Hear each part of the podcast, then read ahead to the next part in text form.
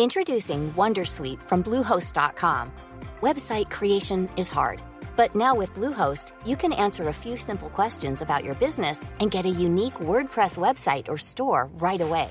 From there, you can customize your design, colors, and content.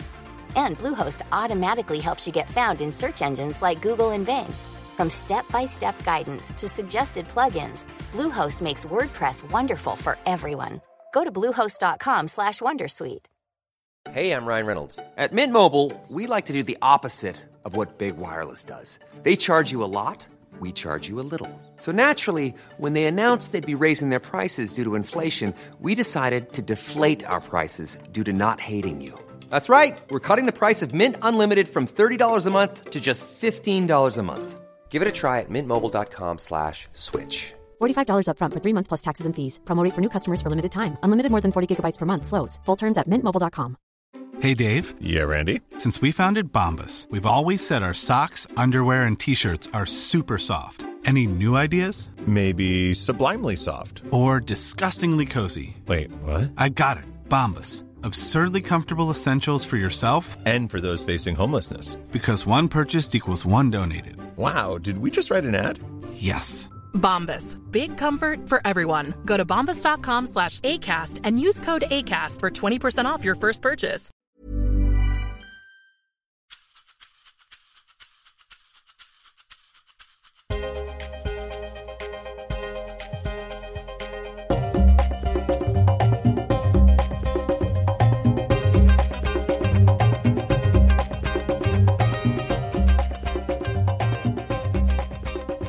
Hej och välkomna till Karriärpodden med mig Eva Ekedal. Och I det här avsnittet så träffar jag Frida Lund från Schibsted Media Group. Mediakoncernen som bland annat består av bolag som Aftonbladet, Svenska Dagbladet och Blocket. Där har Frida den eleganta titeln Director Data and Programmatic. Och hon kommer berätta mer om vad det egentligen innebär så det tänker jag inte ge mig på att försöka förklara. Frida har gjort en kometkarriär de senaste åren och sitter idag dessutom med i flera olika styrelser. Den röda tråden genom Fridas karriär har varit försäljning och hon har haft ett antal olika roller som försäljningschef och det är framförallt som ledare inom mediebranschen hon har gjort sig känd. Innan vi börjar så vill jag rikta ett stort tack till Manpower Group som gör det möjligt för oss att producera och sända Karriärpodden. Och jag vill också påminna om att eh, jag startade det här för att, eh, i syfte att inspirera fler kvinnor till ledande befattningar och för att öka andelen kvinnor i företagsledningar helt enkelt. Och det här gör vi då eh, med hjälp av att träffa och belysa olika kvinnor i ledande befattningar från olika branscher i också olika befattningsnivåer. Så att Frida som är min gäst idag, hon står ju då för försäljningschefsrollen och mediebranschen. Så häng med, nu kör vi!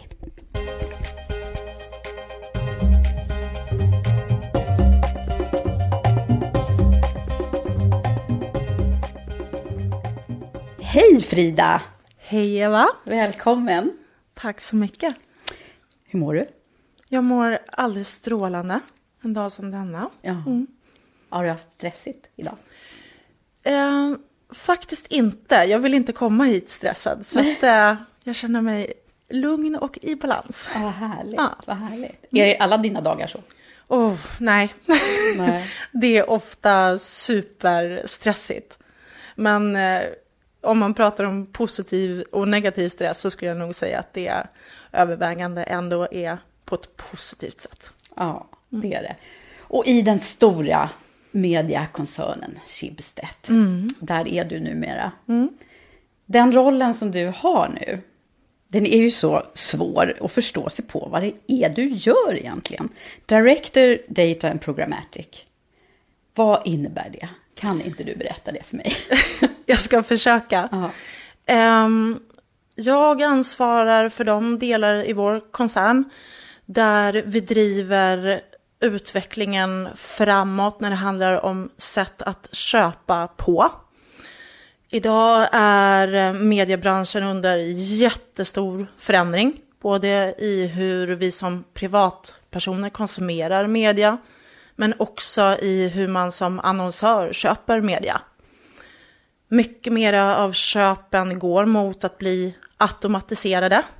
Som publicist investerar vi i ett säljsystem och som annonsör eller mediebyrå så har man ett köpsystem när man kopplar ihop utbud och efterfrågan. Just det, det är jättemycket ny teknik i det här också. Ja, det är det. Så där är du. Där är jag. Ja. Och driver, eller vad gör du för någonting på dagarna? Ja, jag ansvarar för en avdelning på ungefär 55 personer som supportar hela koncernen med kunskap, teknik och ja, kompetens och erfarenhet inom det här området och hjälper alla varumärkena att jobba mer automatiserat och använda mer data och teknik i, I, I- annonseringskampanjer? ja, i sin annonsförsäljning då. Just det. Mm. Men så de, de här som jobbar i ditt team då, är, vad, vad har de för... Vad, vad, är, vad gör de? Eller vad är de Ja. för figurer? Det här är ju nytt för mig också. Min röda tråd genom mitt yrkesliv har varit försäljning. Eh, en del eh, i min personalstyrka är ja, en säljkår. Men eh, en stor del idag är också fantastiskt tekniskt kompetenta personer som kan både eh, tekniken men också ny, nytt sätt att tänka och jobba utifrån vad den möjliggör då. Så att man kan ha bakgrund som eh, att jobba med ad operations. Eh, man kan numera komma från KTH in i mediebranschen och jobba väldigt kommersiellt orienterat. Så det är en helt ny liksom, egentligen, yrkesgrupp som växer fram här, som jobbar med den här typen. Alltså media har ju inte alltid varit så teknikorienterat som det är nu. Jag menar, Oh, nej, det var ju det- Mm. papperstidningar förut och grafiska. Ja. Ja, men, och det är ju det digitala skiftet eh, som eh, möjliggör det här nya sättet att jobba på. Hur länge är det du har varit på Schibsted nu då? Tre år i november. Mm. Det är ju en kometkarriär som jag säger. Jäklar vad det har hänt grejer. Ja, det har det, det har det verkligen gjort. Ja, ja. Men du, eh, försäljning säger du har ju varit din röda tråd sedan tidigare. Vad, vad är det som har gjort att, att det här, visste du från början att det var att det var försäljning som, kunde man se det när man liksom sitter på lilla Frida? Att det här kommer att bli en försäljningschef? um, nej, det har aldrig föresvävat mig att det var det som jag skulle arbeta med. Men jag älskar det. Och eh, speciellt idag när man behöver eh, kombinera eh, people skills, det här sociala och relationen till andra människor med också mycket mer eh, komplex och strategiskt utmanande försäljning. Det tycker jag är jätteroligt.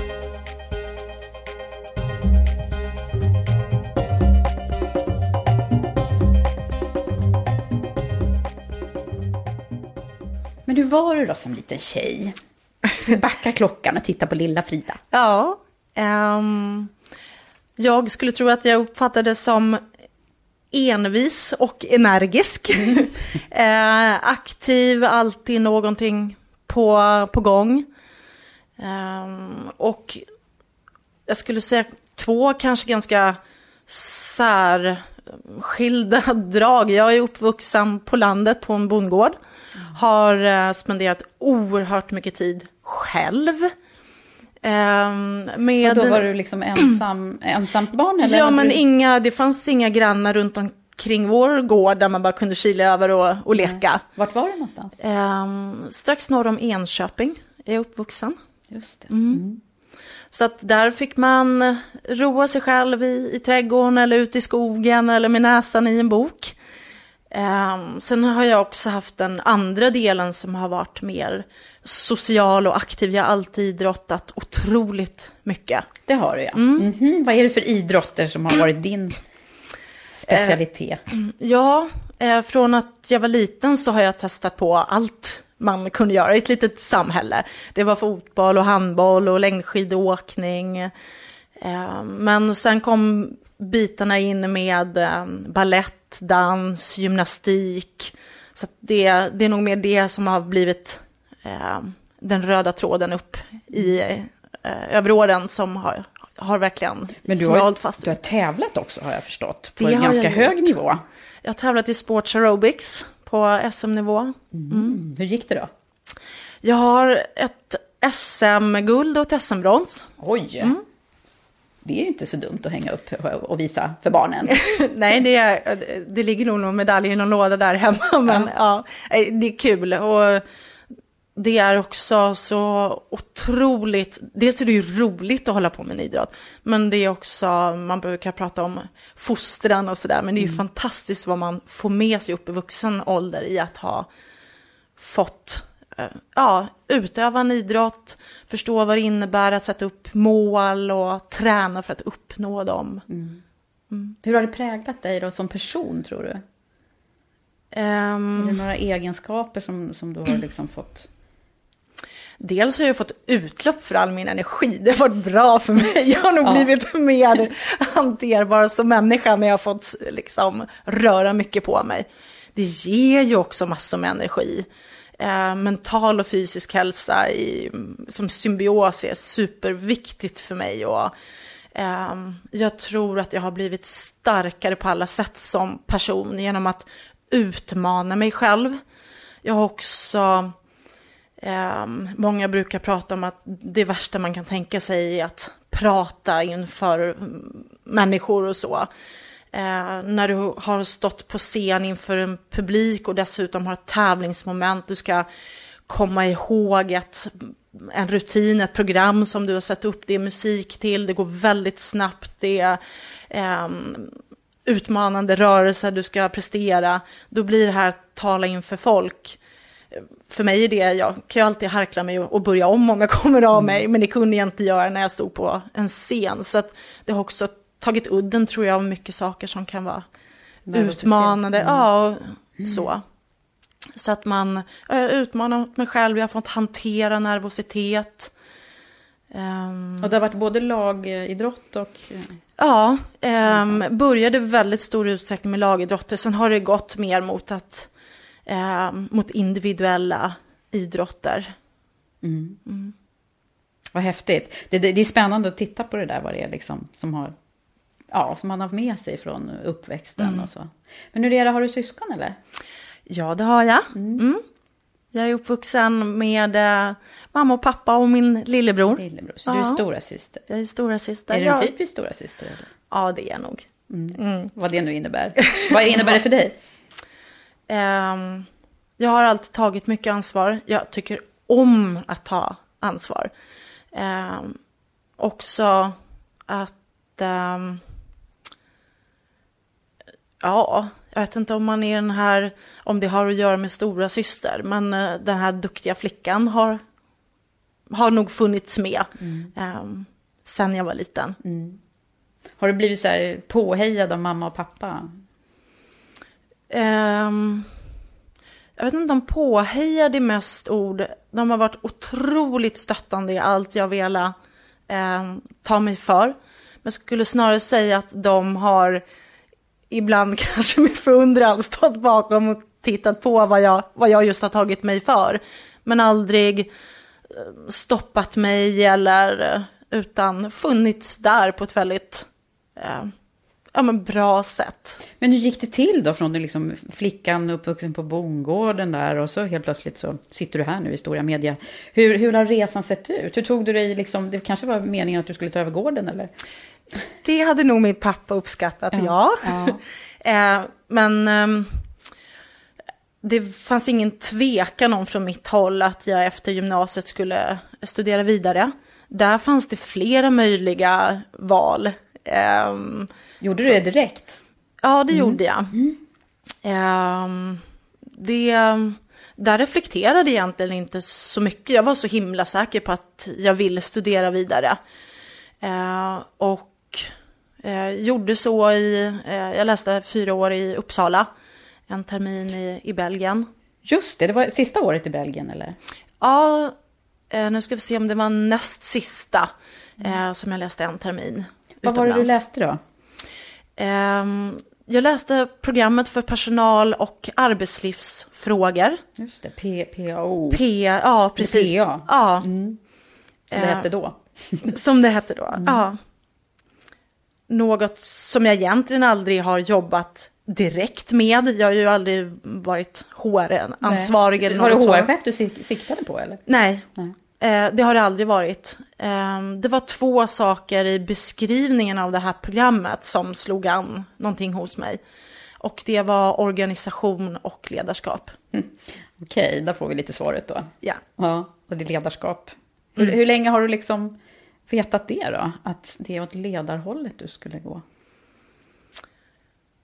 Egentligen tror jag att det utkristalliserade sig väldigt tidigt. Inom idrotten har jag sedan tonåren haft eh, ansvar som ledare för barngrupper. Jag har suttit med i, i styrelsen för den lilla lokala gymnastikföreningen i Enköping. Jag var också representant i Upplands gymnastikförbund. Alltså Okej, där har det hela tog, tiden... Tog dig också eh, det utrymmet tidigt? Ja, Alltså.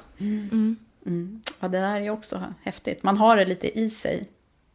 ja, jag tror det. Och sen då? Jaha, då pluggar du. Mm. Och sen blev du färdig. Vad hände sen då? Sen så var det såna här, jag tror att det heter arbetsmarknadsdagar som man har på universiteten. Där jag kom i kontakt med en eh, fantastisk person eh, som heter Annika R. Malmberg. Som då jobbade på ISL, Institutet för cellträning Vad och ledarskap. Just det. som fångade upp mig och eh, de var i en expansiv fas och jag blev anställd där. Och där började den riktiga skolan, skulle jag vilja säga. Vad, vad, vad menar du då? då? Och komma ut i arbetslivet, oerhört eh, tydliga, tuffa krav på vad man skulle uppnå och prestera. Eh, en fantastisk föredömlig skola i hur man introducerar nya personer. Hur man också som företag får en eh, gemensam bild utåt. Jag satt på kvällen och pluggade presentationer som jag skulle kunna hålla på ett naturligt och icke inövat sätt för potentiella kunder. Och fick på en gång ansvaret att gå ut. Egentligen, jag hade hela ehm, ja, Mellansverige egentligen som mitt ansvarsområde. Där jag träffade allt från personalchefer till vdar till försäljningschefer, teamledare och förklarade eh, det, de utbildningar som ISL höll och de skräddarsydda koncept man kunde erbjuda. Och då lärde jag mig otroligt mycket. Vad var, alltså det var ju en tuff så här, första jobbet verkligen. Då. Alltså det, det var inte så att du träffade, utan du fick ju gå direkt upp på ganska det var- hög nivå då. och Det var sälja. hemskt. Jag kommer ihåg de första veckorna när man då skulle ringa kalla samtal, man hade listorna framför sig på skrivbordet.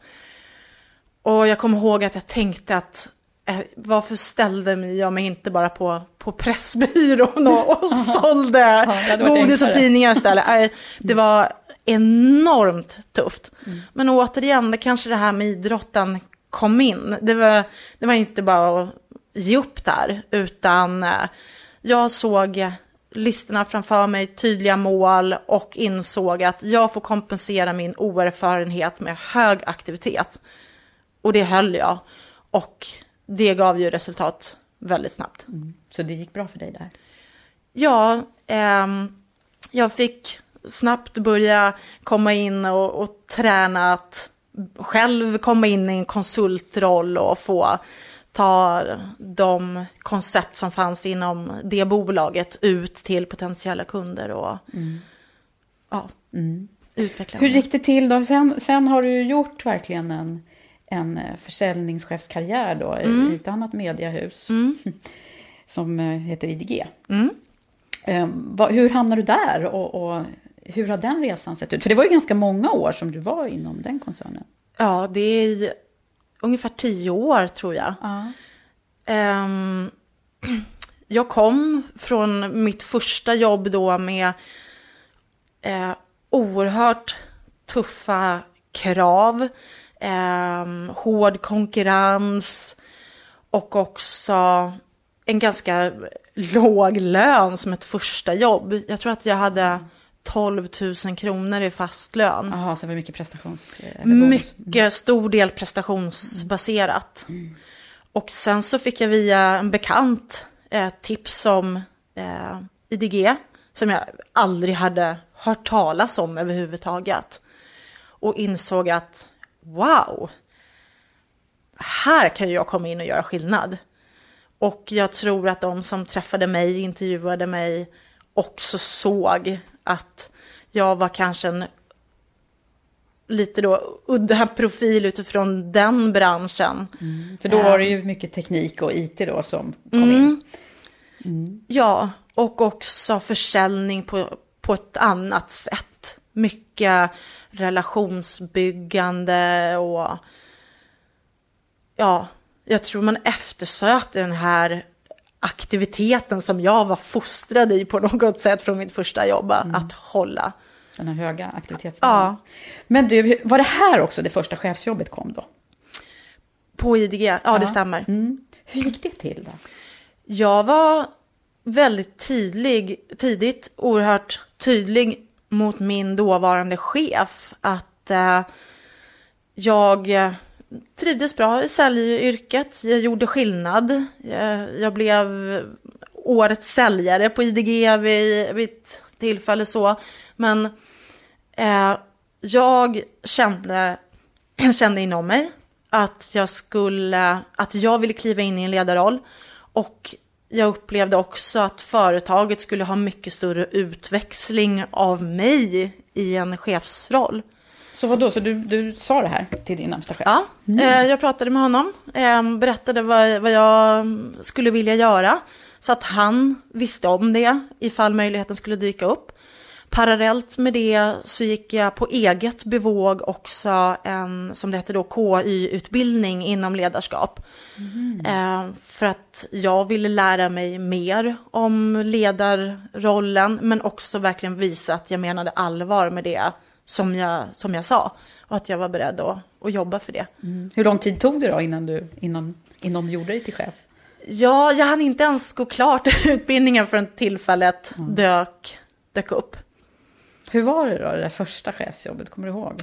Vad, vad gjorde du för bra grejer och mindre bra grejer? För det Ja. brukar man ju erfara den där Åh, första. ja. Ehm, det var verkligen learning by doing. Och Eh, det var ju tillfällen där också som jag kände att, men vad har jag gett mig in på? Eh, och ett, ehm, jag tror också en kultur där man ger medarbetare mycket frihet. Det passar mig väldigt bra. Men när man är ny som chef så ser jag ju idag att man borde kanske inte ha lämnat mig den frihet jag fick. Inte för att jag gjorde några fatala misstag, men för att jag hade behövt mycket mera stöd, eh, erfarenhet, guidelines, bollplank och så Så vidare. du blev lite sådär, här, lycka till nu. Ja, här är det vita pappret. Anställ folk, sätt upp mål, kom på hur du ska lösa det. Jag startade ju en ny liten innesäljavdelning som inte existerade tidigare. Okej, det var första. Ja, jag, hade ald- jag hade ju aldrig rekryterat, jag hade aldrig hållit ett medarbetarsamtal eller ett teammöte eller ja. Men learning by doing, ja det är klart att det, det är ju det är nyttigt det också, även om det är... Ja, så här, det är såklart att jag, jag har lärt mig det från grunden, eh, genom mina egna misstag. Eh, sen är det klart att man kunde ha gått på färre miner eh, om man hade kanske fått lite proaktiv hjälp och stöd och, och så. Men, mm. Men så det ena ledde till det andra där på, på IDG. Och slutade som, som försäljningsdirektör för, för Computer Sweden då. Ja, Ja. Eh, vad, vad, vad var det som hände under de här åren då? Det här är ju åren när du också fick bildade familj och så va? ja. Ehm, Hur många barn är det du har nu? Två barn och eh, en maka eh, som skedde under de åren.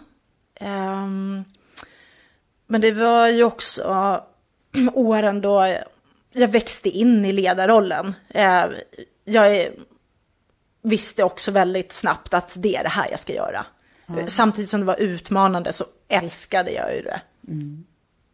Ja, det där är ju så, tänk att man, allting ska ske samtidigt där på något sätt. De här mest intensiva åren när man också bildar familj, och, så gör man också de allra mest karriär egentligen. Ja. Eller åtminstone så är det då som mycket ska sättas igång på något sätt. Det tror jag många upplever att det är väldigt intensiva år. Det är det verkligen. Mm. Hur hanterar du det här med liksom, får ihop tillvaron under de där åren framför allt då, när man Ja. har så små barn?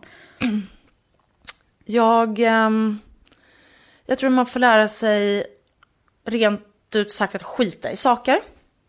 Eller på ett finare språk så får man prioritera. Eh, det, man måste också våga ta hjälp på jobbet, hemma. Jag har en fantastisk make som har tagit mycket ansvar för barn och hem. Vad gör han då? Han är egenföretagare, eh, producent. Eh, jobbar inom media också då på ett sätt kan man säga, men mer det kreativa. Är det han hållet. som har lagat maten och stått med middagen färdigt, städat och... Ja. Det är så? Okej, Delvis, så, men det får så jag- det där ja. med bakom varje framgångsrik kvinna står en, en bra man. Stämmer det? Ja, och eh, en eh, matkasse och eh, barnvakt. ja. Ja, ja, det där är ju... Men det är också väldigt viktigt att, att man stöttar varandra. Eh, har han gjort det? Liksom, har han, Mm. Oh, har ja. han tyckt att du ska göra mer karriär och, och Ja. så? Mm. Verkligen. Det, och när jag pratar med vänner och bekanta, jag tror att vi har en ganska un- unik så, rollfördelning i, i vår familj. Ja. Men mm, det passar oss jättebra. Vadå, det, är, det, är det han som, som eh, fortfarande gör mycket av liksom, hem, hemmagrejerna? Eller? I perioder så, ja det är det. Jag reser mer än vad han gör och har oftare eh, saker, om det är möten eller representation och sånt på, på kvällar och ja. Ja, häftigt. Vi kanske kommer tillbaka till det där. Men du, sen så har du ju testat på att vara egenföretagare också vet jag. Mm. Ja. Så det, det var vad du gjorde när du... Hur kom det sig att du slutade då och satsade på det? Ja, det var väl egentligen en dialog med min man där han, han som har varit egenföretagare i stort sett hela sitt yrkesliv sa det att men Frida med din kapacitet och driv, ska du inte testa och, och köra eget? Och jag gick och funderade lite på det där och så tänkte jag det eh, efter andra barnet och um, många år på IDG att ja, men, jag, jag ger en chans. Och jag är glad för att jag har testat det. Och jag vet på grund av att jag testade att det inte är min grej. Nej, varför, Nej. varför är det inte det då? Ehm, jag får verkligen energi av att jobba med andra människor. Och det är klart att du kan göra det som konsult och egenföretagare också. Men jag uppskattar ju dynamiken i det operativa teamarbetet.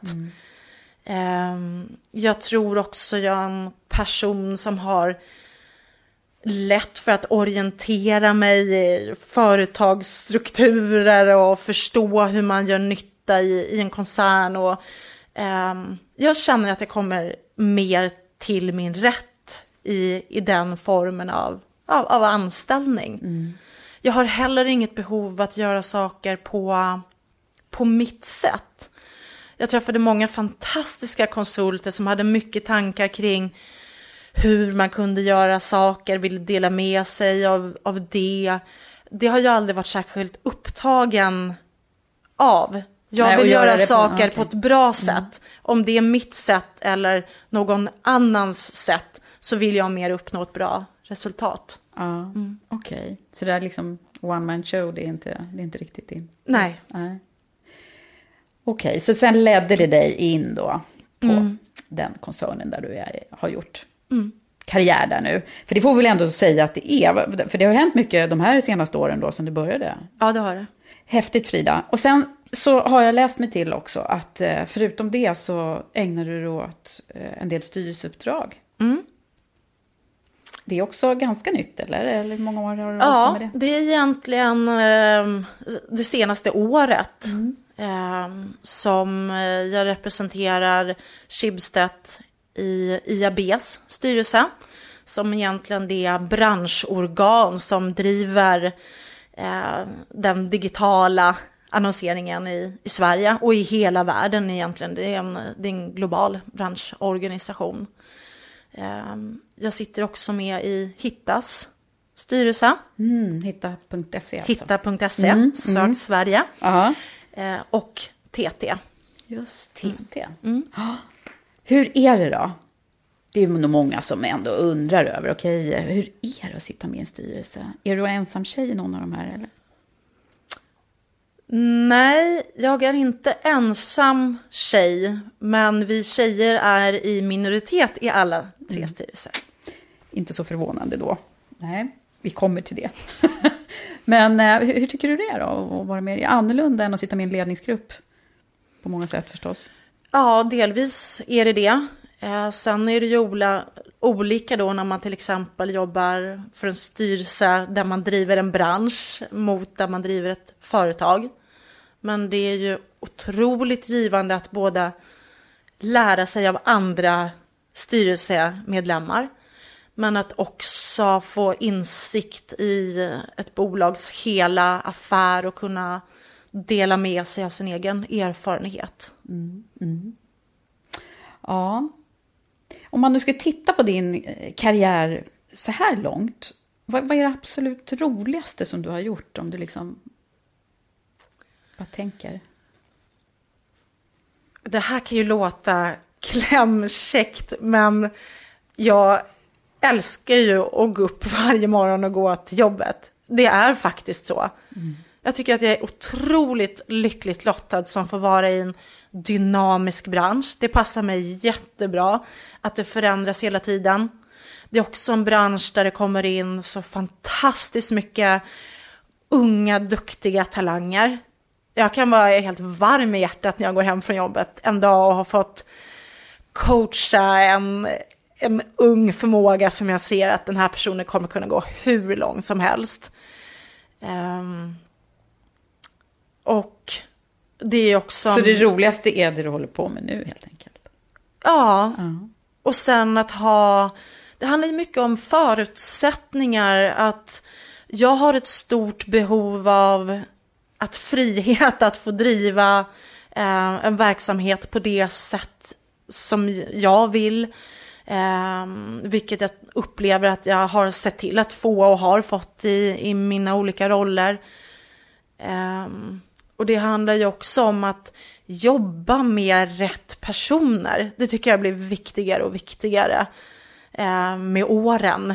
Från att man är ny och man har fullt upp med att bara förstå vad det är man ska göra på dagarna.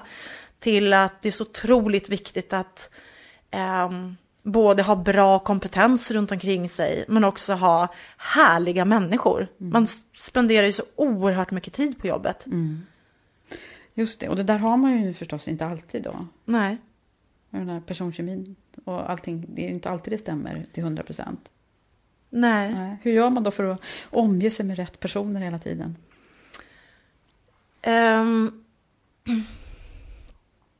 jag tror man ska vara noga i valet av sin chef. Om man har möjlighet att välja. Men till exempel när man, när man byter jobb. Ehm, jag upplever också med all min erfarenhet, som jag har ju jobbat i ledningsgrupper som har- varit fokuserade på försäljning. Och det är oftast ganska easygoing personer. Eh, det finns mycket dynamik inbyggt i sig självt i det. Och eh, jag tror att jag har ja, men delvis eh, haft tur men också jobbat i en bransch som attraherar eh, väldigt mycket ja, men härliga personer i, How would you like to look five years younger? In a clinical study, people that had volume added with Juvederm Voluma XC in the cheeks perceived themselves as looking five years younger at six months after treatment. Look younger, feel like you. Add volume for lift and contour in the cheeks with Juvederm Voluma XC. Reverse signs of aging by adding volume to smooth laugh lines with Juvederm Volure XC. For important safety information and to find a licensed specialist, visit juvederm.com. That's J U V E D E R M.com. Not for people with severe allergic reactions, allergies to lidocaine, or the proteins used in Juvederm. Common side effects include injection site redness, swelling, pain, tenderness, firmness, lumps, bumps, bruising, discoloration, or itching. There's a risk of unintentional injection into a blood vessel, which can cause vision abnormalities, blindness, stroke, temporary scabs, or scarring. Talk to a licensed specialist to find out if it's right for you. Hey everyone, I've been on the go recently Phoenix, Kansas City, Chicago. If you're like me and have a home but aren't always at home, you have an Airbnb. Hosting your home or a spare room is a very practical side hustle. If you live in a big game town, you can Airbnb your place for fans to stay in. Your home might be worth more than you think. Find out how much at airbnb.com/slash host. Ryan Reynolds here from Mint Mobile. With the price of just about everything going up during inflation, we thought we'd bring our prices down. So to help us, we brought in a reverse auctioneer, which is apparently a thing. Mint Mobile unlimited premium wireless. Ready to get 30, 30, bit to get 30, bit to get 20, 20, 20, bit to get 20, 20, bit to get 15, 15, 15, 15 just 15 bucks a month. So, Give it a try at mintmobile.com slash switch. $45 upfront for three months plus taxes and fees. Promo rate for new customers for limited time. Unlimited more than 40 gigabytes per month. Slows. Full terms at mintmobile.com. Introducing Wondersuite from Bluehost.com. Website creation is hard, but now with Bluehost, you can answer a few simple questions about your business and get a unique WordPress website or store right away. From there, you can customize your design, colors, and content. And Bluehost automatically helps you get found in search engines like Google and Bing. From step-by-step guidance to suggested plugins, Bluehost makes WordPress wonderful for everyone. Go to bluehost.com/wondersuite. Hey, Dave. Yeah, Randy. Since we founded Bombus, we've always said our socks, underwear, and t shirts are super soft. Any new ideas? Maybe sublimely soft. Or disgustingly cozy? Wait, what? I got it. Bombus. Absurdly comfortable essentials for yourself And for those facing homelessness. because one purchased equals one donated. Wow, did we just write an ad? Yes. Bombas. Big comfort for everyone. Go to bombas.com slash ACAST and use code ACAST for 20% off your first purchase. Egentligen, ja.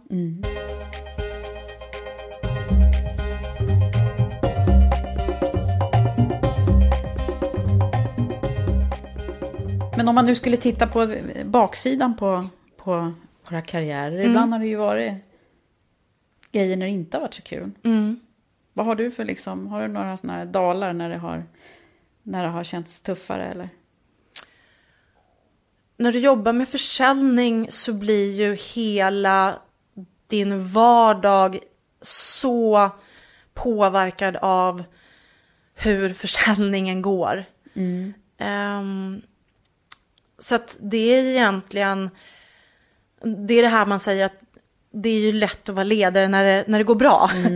Ehm, och utmaningen är ju när det går mindre bra. Och försäljning är ju sällan, i om det inte är en ny bransch som har liksom konstant tillväxt, någonting som går upp och ner. Och där tror jag att det har, när man tittar i backspegeln, präglat mycket av ens eh, både uppgifter, vad är man får ta tag i när det går bra eller mindre bra. Ehm, och det påverkar, sitter du med en personal som till väldigt stor del i sin privatekonomi styrs av hur det går på bolaget. Det känner du när du kliver in på, på jobbet på morgonen. Om när det går dåligt då? När det går dåligt, då blir det tufft. Ja.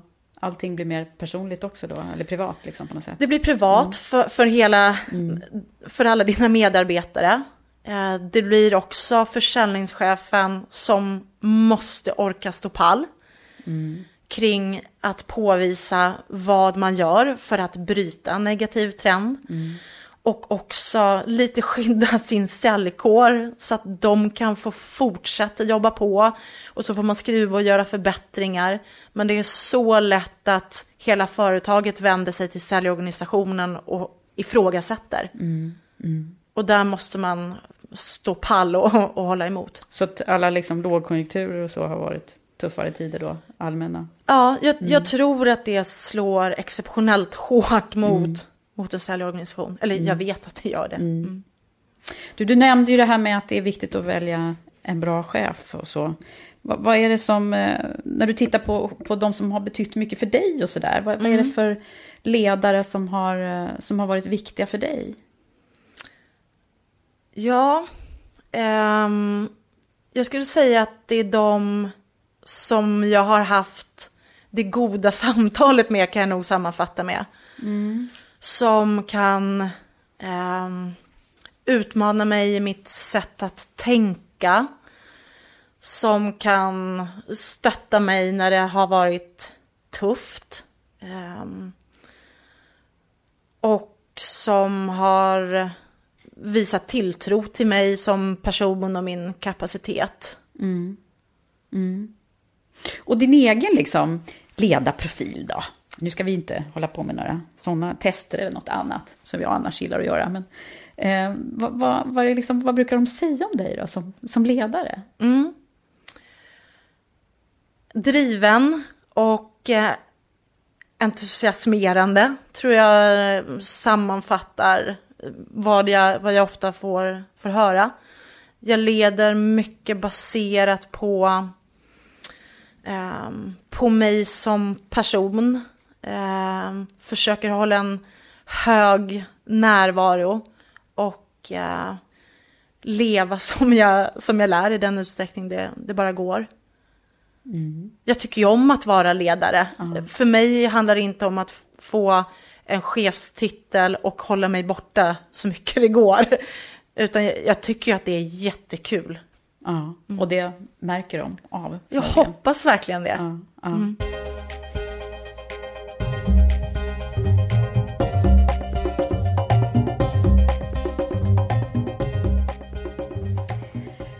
Du, eh, det här med... Det har ju kanske funnits perioder i livet när, när inte allting är på topp och när det är lite tuffare. Det kan ju finnas privata situationer eller jag vet inte. Men när man har haft det lite svårare att ligga på topp och prestera på jobbet. Har det funnits några sådana situationer för dig? Ja. Um, vi har en, eh, en son hemma som har en, eh, en dubbeldiagnos. Och som också i unga år eh, fick en allvarlig njursjukdom. Så att med hela den utmaningen, det var under, ett period, under en period så räknade jag och min man att vi, vi minst ett tillfälle i veckan under ett helt år träffade någon form av specialist. För att hjälpa vår son att liksom hantera sin sjukdom eller vardagen eller Mm. sådana saker. Mm. Och det... eh, det gjorde vi bara för att man har inget val som förälder. Nej. Eh, Det är ju bara att ta sig igenom det. Mm. Men jag kommer ihåg när, när vi satt på, på BUP och vi fick den här eh, diagnosen. Och de hade ställt fram då väldigt eh, betänksamt eh, pappersservetter och sådär. Och eh, en av de här kvinnorna lägger sin hand på min axel och säger att det måste varit väldigt jobbigt för er. Då brast det för mig. Då, mm. Då kom Mm. allt som jag hade samlat på mig under egentligen flera år. Ja. Ja, gud. Hur, hur liksom fick ni det att gå ihop under den här tiden? För du jobbade ju hela tiden. Ja, jag vet inte. Nej. Eh, jag tror att vi eh, kompromissade på allting som inte hade med i stort sett ehm, jobbet eller vår son att göra, kan man säga. Mm. Mm. Ehm, dra ner på ehm, ja, men, allt från eh, tid för varandra eller tid för kompisar eller och så fick vi liksom hitta närheten i, i vår familj helt enkelt. Mm. Och, det, och det var ingen eh, det var ingen diskussion att det var så vi skulle göra det. Men eh, ja. Mm. Och sånt där som bygger ännu starkare band i familjen. Ja, verkligen. Mm. Och i, idag så sitter vi i en helt annan situation som är där man verkligen ja, är så otroligt glad för hur vi har kämpat och tagit hjälp och sådär. Där vi har en, em, ja, en fantastisk liten balanserad familj i, idag. Mm. Hur Men mår han i, idag med njursjukdomen och så? Ehm, fördelen med att få en allvarlig sjukdom när det är liten är att, att den kan växa bort. Och som vi ser idag så tror vi att den har gjort det. Ehm, och dessutom så har vi fått otroligt mycket bra stöd och hjälp kring, eh, kring honom. Så att eh, det finns bra resurser och funkar kanonbra i, i skolan. Och sen är en glad och frisk liten kille. Hur gick det med, med jobbet under den här perioden för din del då? Fick du liksom, hade du förståelse från eh, ledningen och så under den här perioden? Ehm, jag skulle säga att jag pratade inte så mycket om det här. Nej. Det var vår... ehm, dels under en del i perioden körde jag, körde jag ju eget, så då kunde jag hantera det. Ja. Men innan och efter så... ehm, så var det egentligen aldrig jobbet som jag tummade på. Jag tummade mer på liksom min egen tid och de bitarna. Jag hade inga problem att prata om det här. Eh, men hade jag inte pratat om det så tror jag ingen hade liksom uppfattat Nej, att det var nej. som det var. Mm. Tufft, men förstås också lärorikt på många sätt. Mm.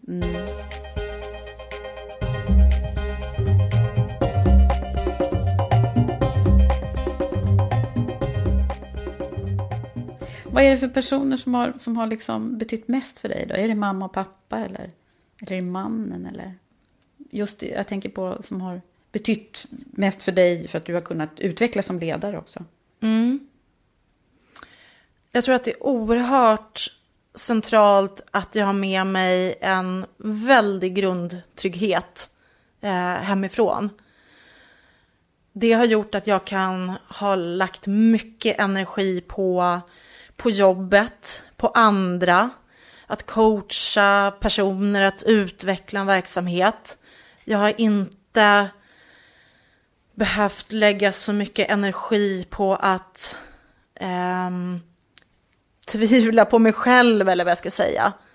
Sen har jag givetvis reflekterat oerhört mycket. Det, det tror jag är jätteviktigt i, i ett ledarskap. Att orka tänka, var det här så himla smart? Vad kunde jag gjort annorlunda här? Men det är aldrig någonting jag lagt energi på att älta. Utan mer reflekterat, hitta en ny väg framåt, tagit med mig det jag har gjort bra. Och som chef är det ofta du själv som får ge dig den klappen på axeln. Mm.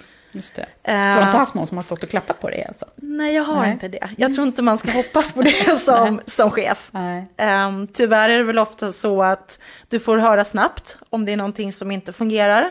Hör du inte så mycket så betyder det ofta att det går bra. Just det. Det är det man får vänja sig vid.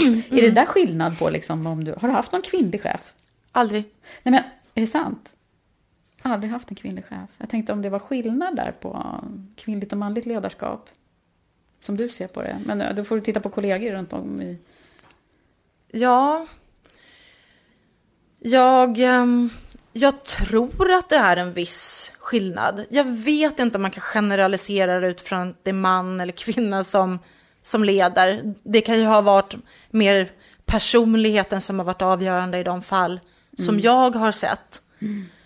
Ehm, men jag kan kanske se ett kvinnligt ledarskap ehm, väldigt fokus på höga ambitioner och prestation. Duktiga, Medans, duktiga ja, men flickor. lite duktig flicka. Eh, Medan jag ser fler män som har en mer avslappnad inställning till, till sin chefsroll. Skulle Mm. jag nog säga. Jag vet inte om det finns någon gyllene medelväg där då, men ja. Ja. Är du feminist? Ja. Mm. Åh, en som svarar ja på den frågan. Det där är ju så himla, eh, eller hur? Den är ju väldigt debatterad den här frågan nu. Mm. Att man inte, en del vågar liksom inte säga att de är det för att man, det skulle vara något, ja, ordet i sig. Mm. Jag vet inte om du hörde hon Emma Watsons Ja, jag Ja. fällde en tår. Det var fantastiskt. Ja, så Mm. nu säger du ja på den frågan. Ja. V- Hur innebär det där nu då? Om vi liksom ska titta lite mer på det här med kvinnligt och manligt i ledningsgrupper och, och de styrelser som du sitter med. Vad, vad, vad kan du se där? Vad är det som händer? Jag, jag har sett mycket genom Mm. året. Jag vet att jag, att jag någon gång har träffat dig när du, när du var lite arg på någonting som hade hänt. Ja, Ja. men det, det är jag emellanåt. Och eh, man får välja sina strider. Men jag ser verkligen att jag nu har en position där jag kan göra skillnad.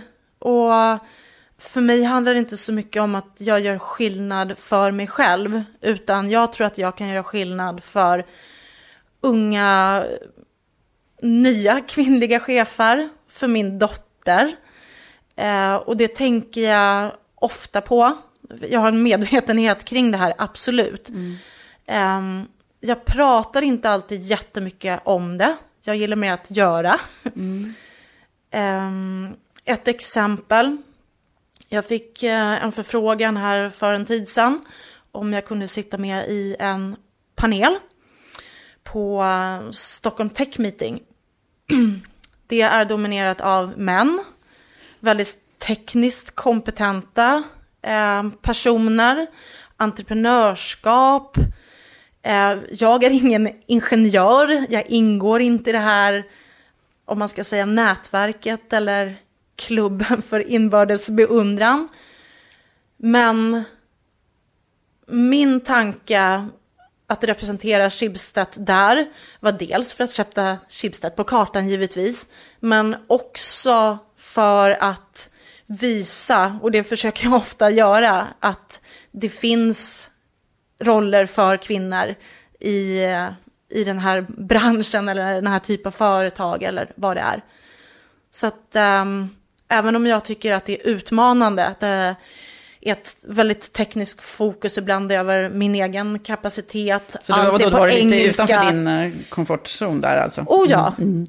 Ehm, men jag har ett citat på mitt skrivbord som alltid står där. Eh, Life begins at the end of your comfort zone. Ah, det var bra. Mm. Och den, eh, den ger mig kickar på ett personligt plan. Men jag tänker också att ibland måste jag kliva utanför min komfortzon om det kan hjälpa ja, andra kvinnor, min dotter och, och så Mm. vidare. Så hur, var du ensam kvinna då i, det här, i den här panelen? Eller? Ja. Mm. Hur gick det då? Bra hoppas jag. Mm. Jag är snäll nog mot mig själv att säga att jag var där. Eh, Jag och tror det- att du fick frågan därför att de liksom, oj, vi måste ha en kvinna eller? Delvis så, så kan det vara så. Eh, Men jag vet också att jag jobbar i en koncern med 1500 personer. Så jag kan ju inte få frågan bara för att jag är kvinna, utan också för att jag är kompetent. Mm. Just är det, du är ju med. inom den här senaste high-tech där, så Ja. att det är inte så konstigt att du får frågan så. Men jag Mm. tänker, tänk om det var så att de, att de kom på det liksom. Mycket Ja. möjligt. Ja. Mm. Och då, då behöver jag inte bekymra mig om det själv, tycker jag. Nej. Utan jag ser mera hur jag kan göra skillnad genom att vara där. Att säga ja Mm. till de där grejerna. Ja, Mm. för jag blir också galen på det här som får sprida sig som någon slags sanning, att det inte går att få kvinnor till eh, paneldebatter, vissa positioner på företag. Det går det visst det. Det går. Hur menar du? De finns eller? Ja. Mm. Ibland får man leta på andra sätt. Eh, på andra ställen. Eh, höra sig för i nya nätverk. Eh, Men den här klassiken att, eh, ja ja, men kvinnorna vill ju inte. Vad säger du om den då? Påståendet. bullshit. Mm. De vill visst. Mm. Det finns alltid de som vill. Titta på de tjejer som kommer ut i näringslivet idag. Mm. Vilka är det som eh, finns på universiteten, som också i mycket större utsträckning startar eget. Mm. Eh, Ja, jag tror att det kommer bli en enorm skillnad. Hur, hur, eh, vad- hur ser du på det här med kvotering då, om vi ändå ska toucha den frågan också? Ja, kan vara ett känsligt ämne. Jag är för kvotering. Du tycker det? Vad, vad har du för argument? Dels så tror jag att det är över tid. Och då ser jag inte, återigen inte utifrån mitt eget perspektiv, utan kvinnor som är på väg in i arbetslivet eller till och med yngre, som min dotter. Ska de ha en chans så behöver vi skapa en förändring idag. Där tror jag kvotering är ett redskap. Jag är också 100% trygg i att det finns kompetens att tillsätta de här posterna. Jag, för, jag är ytterst ödmjuk för att det finns en komplexitet i att begära av en eh, ja, arbetsgivare eller en eh, ägare att tillsätta kvinnor enligt ett regelverk. Men eh, jag är ju också som sagt var trygg med att kompetensen finns ju där. Man kan också att välja det se, att se det som en fantastisk möjlighet. Jag må vara tillsatt i någon av de styrelser där jag finns i nu för att jag är kvinna. Men jag är jättetrygg i att jag också är kompetent. Och att jag genom min närvaro gör skillnad framöver. Mm. Mm. Kan du se liksom vad det är som händer när det blir eh, mixade grupper, när det faktiskt är en mer eh, blandad, när det finns både kvinnligt och manligt representerat i ledningsgrupper? Vad är, vad är, det, som, vad är det som händer med dynamiken? Har du sett liksom, några skillnader i det här? Ja, jag tror att det också kan bero på, dels så handlar det ju om en mix i vad man kommer in med för kompetenser. Att någon är bra på teknik, en annan på produktutveckling, någon på kommunikation eh, och så vidare. Ehm, det finns delar som, det här kan ju vara väldigt beroende av att jag har rört mig i en specifik bransch, jag har också rört mig inom försäljning. Men en del det jag ser att jag tror att det finns en eh, något att tillföra för kvinnor specifikt. Jag kan inte säga varför, men jag ser det. Är inom just personal, ledarskap och kommunikation. Undrar vad det är som gör det då? Vad har du någon tanke kring det? Lyhördhet. Kanske. Ja. Ett annat sätt att kanske se på, ehm, på medarbetare och personal. Ehm, mer kommunikativa överlag. Duktiga på konsekvenstänkande. Måste kommunicera A om jag vill leverera B här borta. Mm.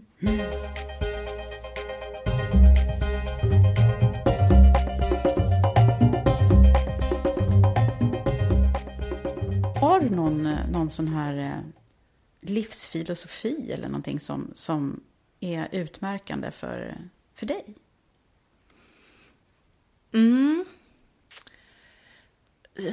Jag tror jag kanske skulle kunna beskriva det mest i form av en...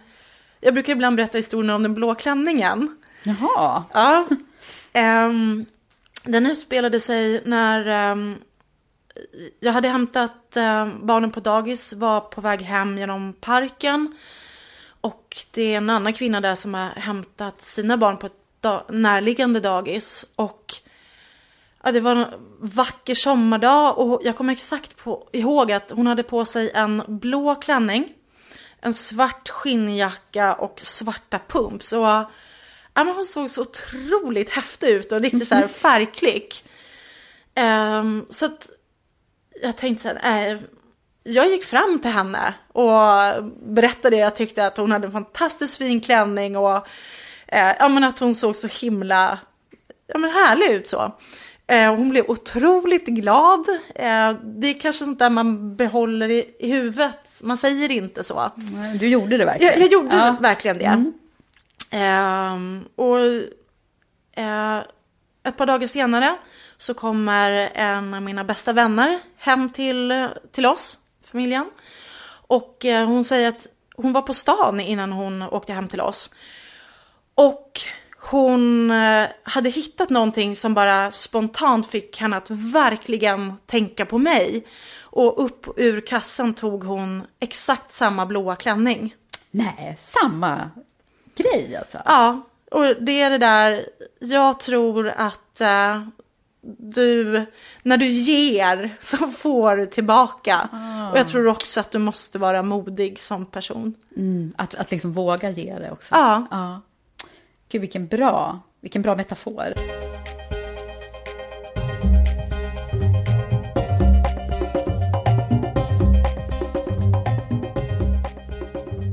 Eh, hur har du själv då jobbat med att få fram fler kvinnor och så till din, din ledningsgrupp och de grupperna du har verkat inom? Ja, det är ju ofta i rekryteringsfaser som man kan påverka det. Mm.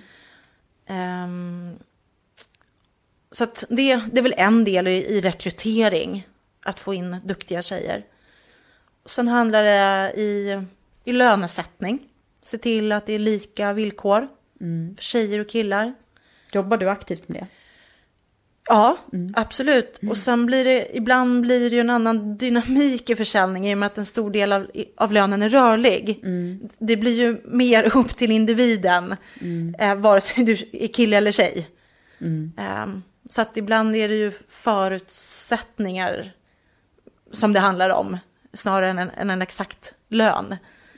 Ehm, det vill säga att man ska få lika möjlighet att få en, en kundbas som är samma, eller ja, och Ja. sådana saker mer. Ja, mm. Ja, men du, jag kan inte låta bli att fråga också när jag har en försäljningsdirektör framför mig här. Eller ja, du har inte den titeln nu, men.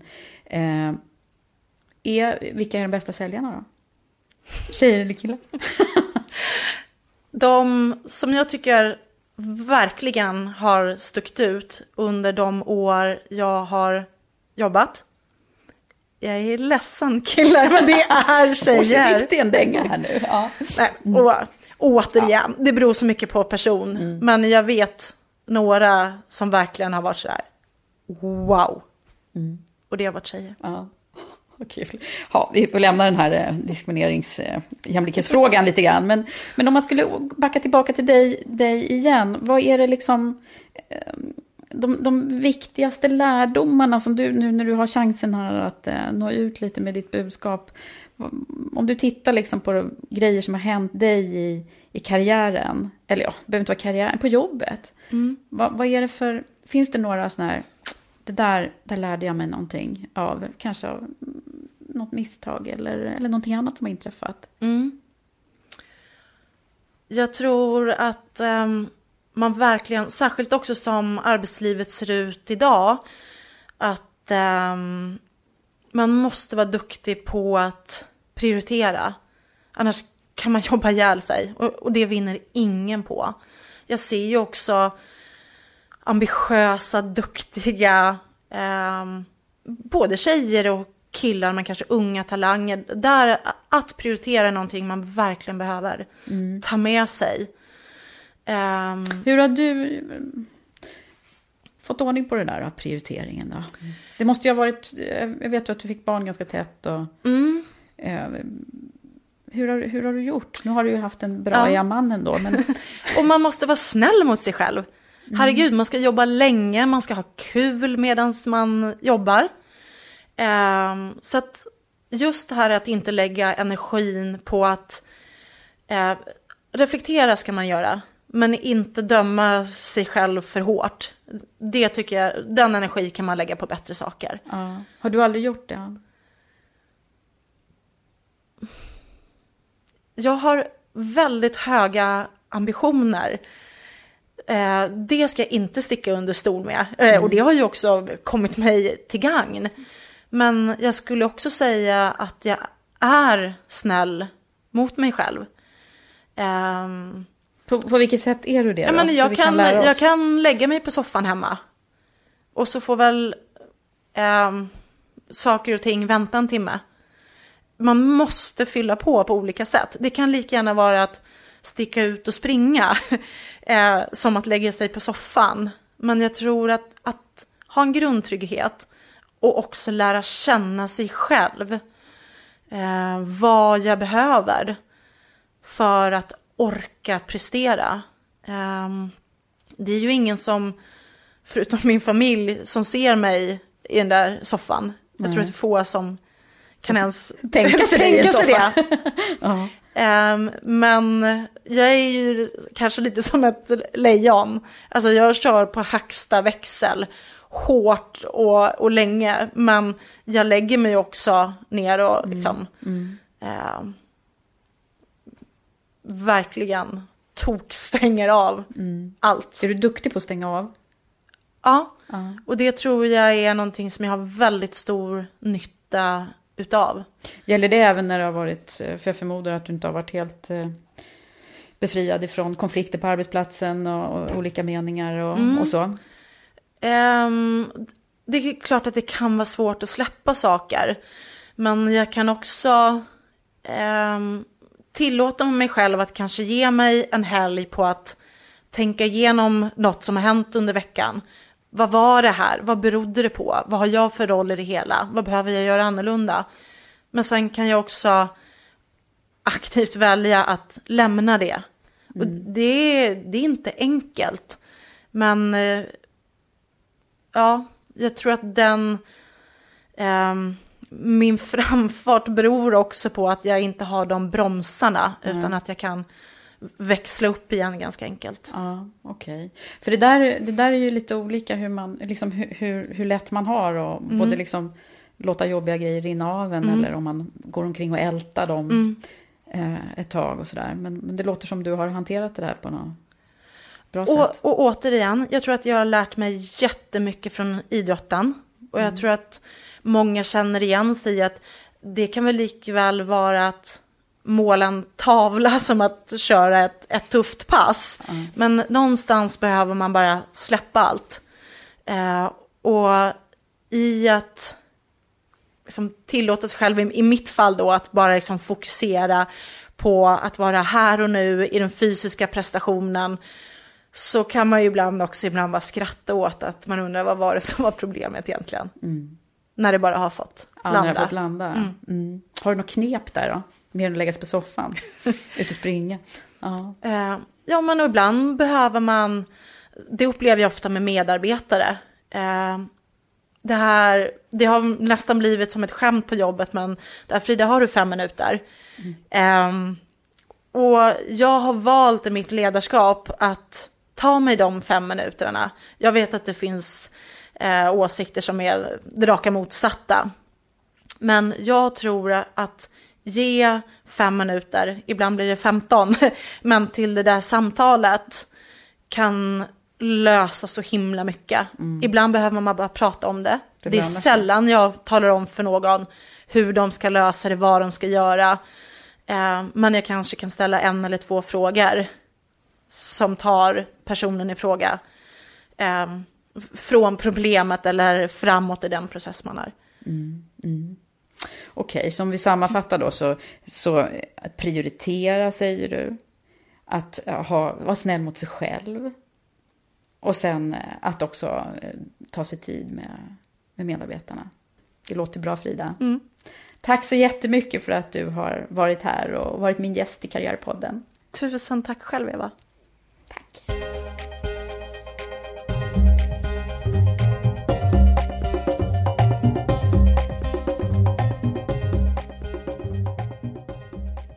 Nu är det dags för mig att summera mina intryck efter samtalet med Frida. Tänk vilket, vilket driv och vilken energi och en positiv attityd hon har. Fast det är också en stark och rakryggad person jag träffar med mycket skinn på näsan och som jag kan riktigt se henne stå pall för både det ena och det andra när det blåser på ledningsnivå. Jag gillar hennes starka tro på kvinnor och hennes skrivbordscitat Life begins at the end of your comfort zone. Det hänger kvar lite här i rummet faktiskt när hon har gått.